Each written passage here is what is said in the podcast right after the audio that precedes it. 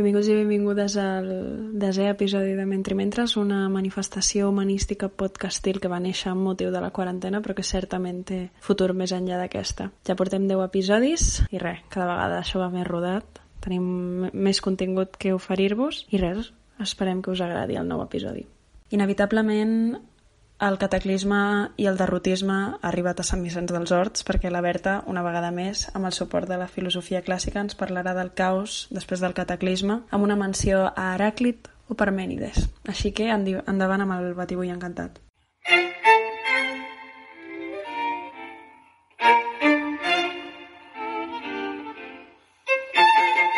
Benvinguts al Batibull Encantat.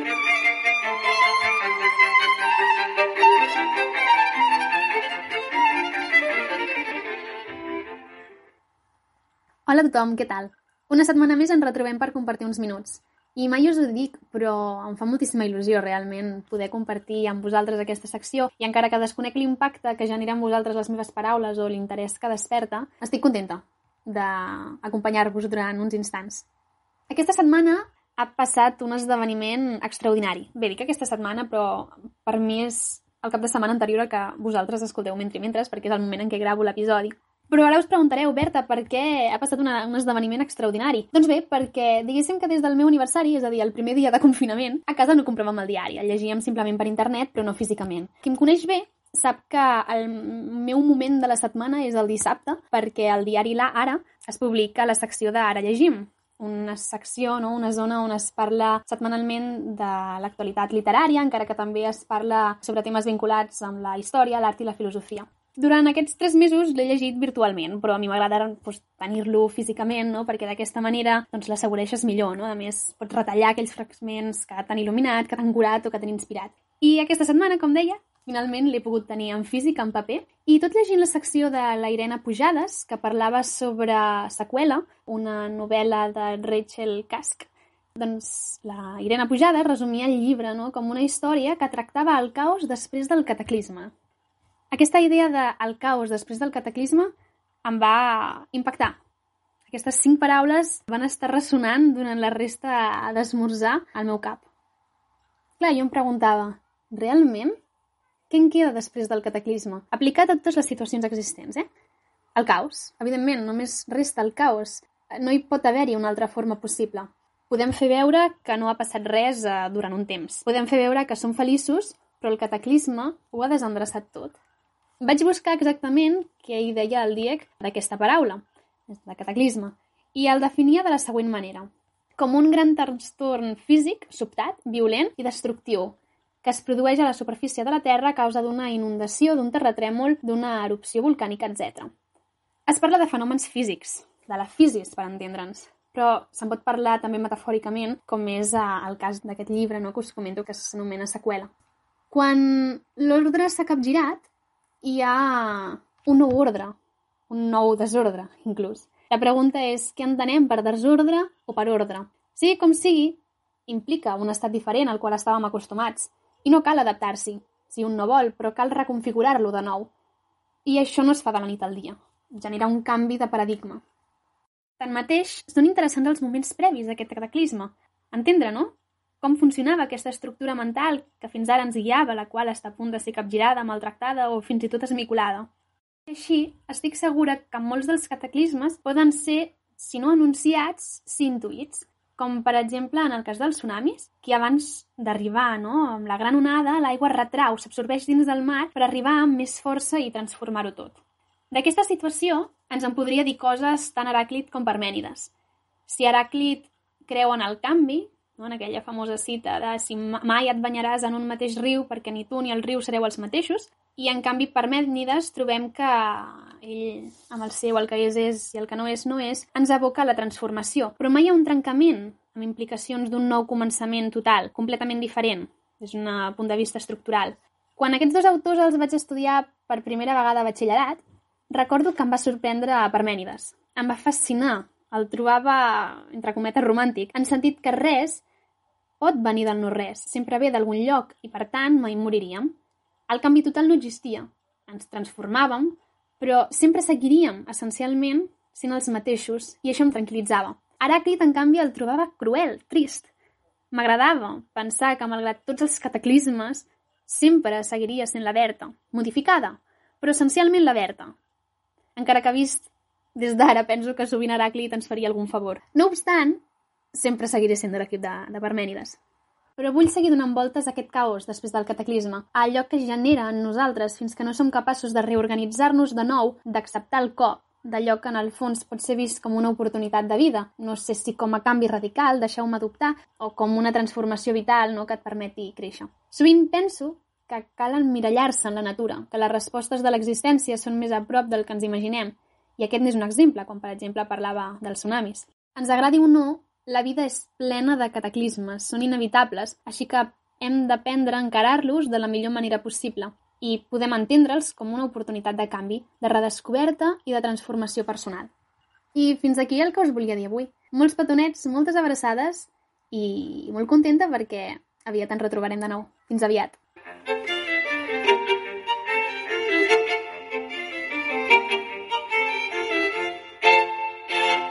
Avui a una mica de bogeria el Bucur tocarà un tema un tant controvertit i es posaran el tema de les fake news que està a l'ordre del dia a les xarxes socials, una mica inspirat per l'espam viral de la Marta. Així que endavant amb el Bucur i la seva secció. Benvinguts a la secció més incoherent del planeta.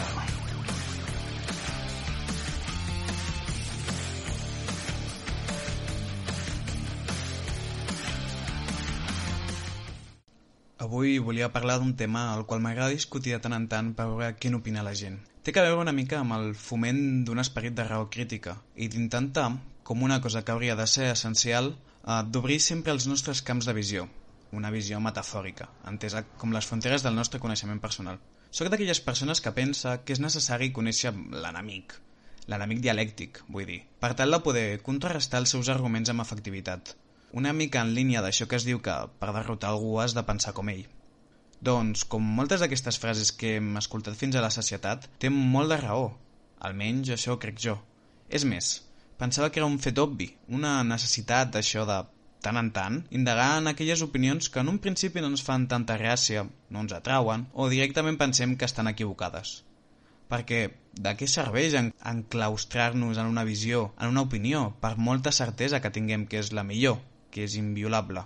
Se'm fa difícil imaginar una capacitat crítica ben construïda si un no ha sortit mai del seu espai de seguretat, del confort, si ha evitat constantment la confrontació dialèctica, si no li ha donat voltes a una idea i no li ha intentat veure tots els seus punts febles.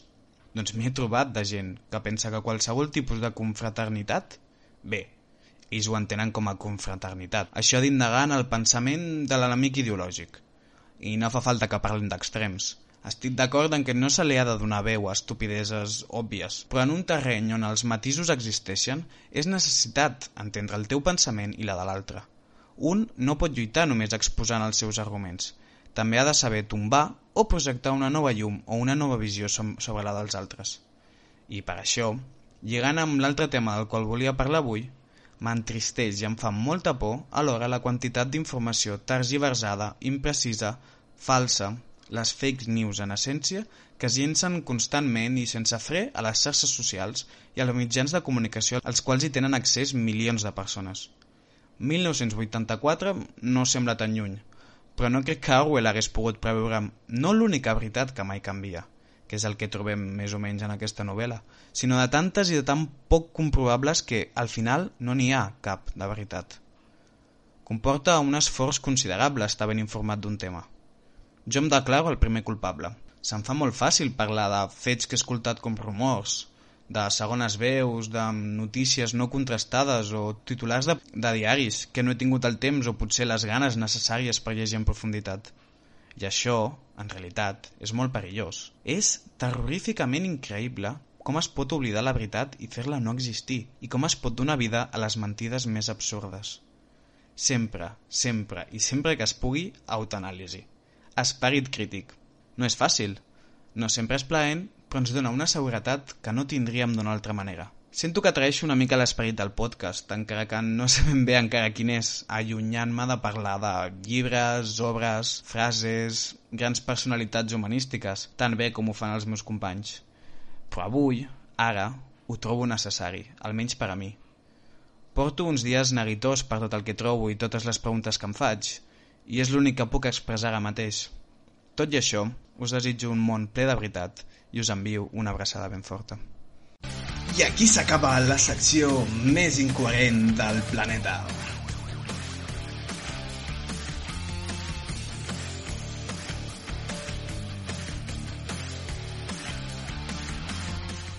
Doncs bé, la meva secció d'avui la protagonitza una de les meves artistes preferides, que és Louis Bourgeois, i faré referència a un assaig que vaig llegir no fa gaire, de Jean Fremont, que es diu Louis Bourgeois Mujer Casa, publicat per l'editorial Elba. I per molt que no tingui nom aquesta secció ni tingui ben clar de què parlaré quan començo a gravar aquests episodis, crec que, crec que vull seguir amb aquesta tendència de buscar vincles entre llibres i art, perquè bàsicament és en el que, en l'entorn que em sento més còmode, però intentaré buscar aquests vincles que trobo interessants per, per compartir-los aquí amb vosaltres. Així que res, avui un episodi de Louis Bourgeois i la, la de la casa com a artística. La casa es el primer escenario de la memoria. El sótano, la escalera, la habitación, el desván, el armario, la ventana, son formas sobre las cuales inconsciente y racionalmente se modelan y se fijan nuestros deseos y nuestras obsesiones. Aquesta és una cita extreta de, de l'assaig de Jean Fremont, de la pàgina 12. Jo no seria capaç d'articular una frase tan bé uh, aquí improvisadament, però crec que està bé per introduir el tema de Louis Bourgeois i aquesta importància de la casa en la seva obra i eh, de retruc eh, de la dona, evidentment. Fa referència a una de les primeres produccions artístiques de l'artista francesa-americana, que és Femme Mason, de, del 1947, en la que, si no, sou familiar, no esteu familiaritzats amb, amb l'obra, són representacions de dones en les que el seu cap, eh, en lloc de ser la seva cara o un rostre normal, doncs són cases. I és una metàfora d'aquesta reducció de la dona a aquest ambient domèstic, però també de, de la seva reducció espiritual i psicològica a aquestes quatre parets que no són només la seva ment, sinó són les quatre parets de les cures, del menjar, dels fills, de, de la família, i fan que la dona mm, sigui estrictament això. Aleshores, la, la, el tractament que fa Louis Bourgeois d'aquests espais reduïts, de la reclusió, és interessant perquè es representa i és protagonista en tota la seva obra i també arriba a 40 anys després amb les seves cel·les, que és l'exposició que vaig poder visitar el 2016 a Bilbao, a dia d'avui és la millor exposició a la que he anat mai, que és aquesta exploració de Femme Mason però portada a l'art de la instal·lació. Va ser molt contemporani per al seu temps, eh, Louis Bourgeois, perquè aquestes pintures dels rostres de les dones que estan eh, substituïts per cases estan tra traduïts a, a literals eh, cel·les com presó del material com el ferro, la duresa, aquest material, aquesta, aquest atac a, a la llibertat, però repeteixo, no només a la llibertat de trànsit que havíem mencionat en l'episodi anterior, però aquesta llibertat de pensament, d'aquesta reducció psicològica, eh, aquesta reclusió, aquesta impossibilitat d'escapar més enllà de les parets físiques, sinó les parets psicològiques que, que s'instauren i és una reivindicació molt forta i que té una força increïble, jo crec. I és, i és clar, hi ha, hi ha una lectura feminista, clarament feminista, que clar, Louis Bourgeois modela les, les cases, les cel·les, la, els rostres femenins, creant una reivindicació de la dona com a, com a entitat domèstica, però no la separa mai d'aquesta entitat. I això és, crec que és el més interessant de la seva obra, que no la reivindica traient-la fora, la reivindica en el dolor que suposa mantenir la dona tancada aquestes parets, que repeteixo, no només són físiques sinó psicològiques. I bé amb, es pot relacionar amb altres produccions seves que són menys conegudes, per exemple, un simple llenç de color rosa en el que es pot llegir Art is a guarantee of sanity, que és aquesta condició messiànica salvadora miraculosa de l'art, que aquell que el crea pot no oblidar el seu dolor i les seves vivències, sinó transformar-les en, en art i és, és una de les vessants artístiques que més m'interessa. Es pot eh, llegir en, en el romanticisme alemany o en artistes més contemporanis a través de l'art de la performance que exploren aquestes eh, emocions humanes que són tan complexes. Casas, madrigueras, nidos, celdas. Son numerosas las obras de Louis Bourgeois que tienen un exterior y un interior, una parte claramente visible y otra parte más secreta. Toda gran obra es producto de un deseo irreprimible de decir o de enseñar, y de un deseo igualmente irreprimible de callar o esconder. La tensión de la obra, la emoción que transmite, es el resultado de ese conflicto.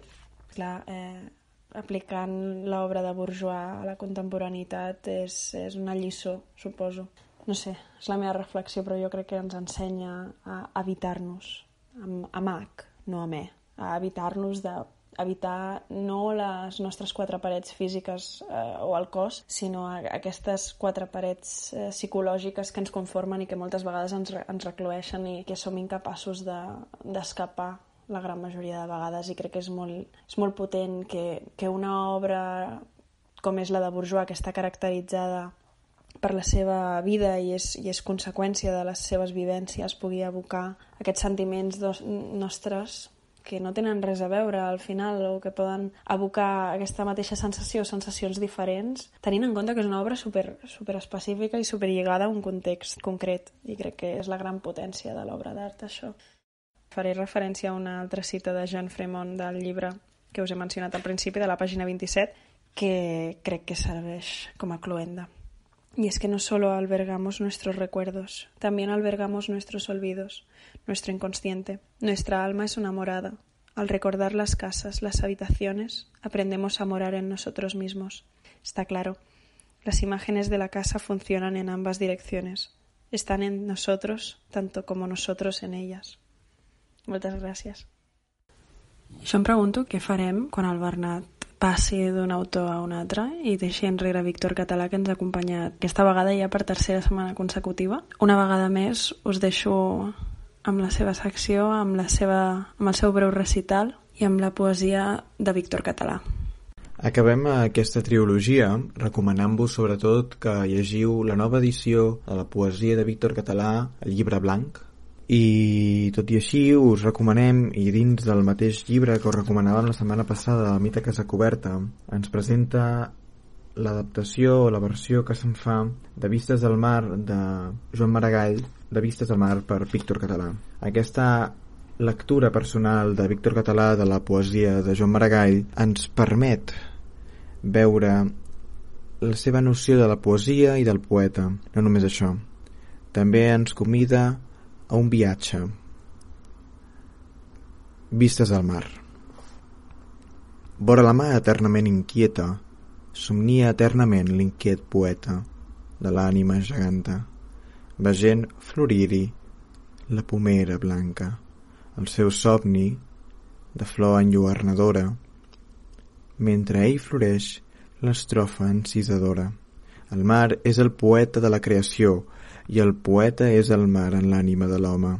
El poeta i el mar tremolen d'emoció, vegent a vora seu el germen de la poma, florint superbament l'eterna temptació. Indòmit a la regla i la mesura, com poeta gegant de la natura, la mar desplega sa radiant bellesa, ja plena de dolçura, ja plena de faresa, indòmit en el ritme i a la rima, de cap trava mesquina el poeta esclau, porta ell en si mateix la rima i el ritme, igual que el gran mar blau.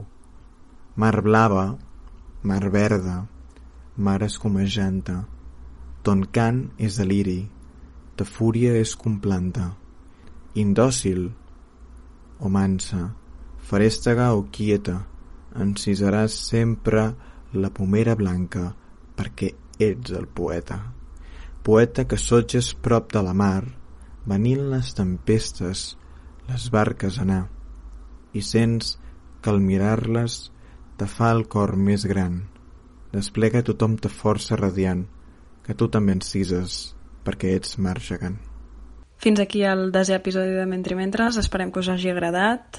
Com sempre, si teniu suggerències, queixes, eh, comentaris, crítiques, el que sigui, ens podeu contactar per missatge directe a Twitter a arroba mentri barra baixa mentres i res, des d'aquí l'equip de Mentri Mentres, eh, fonamentalment del Maresme, us desitgem que passeu molt bona fase 1, que disfruteu molt veient a més gent i res, fins la propera setmana.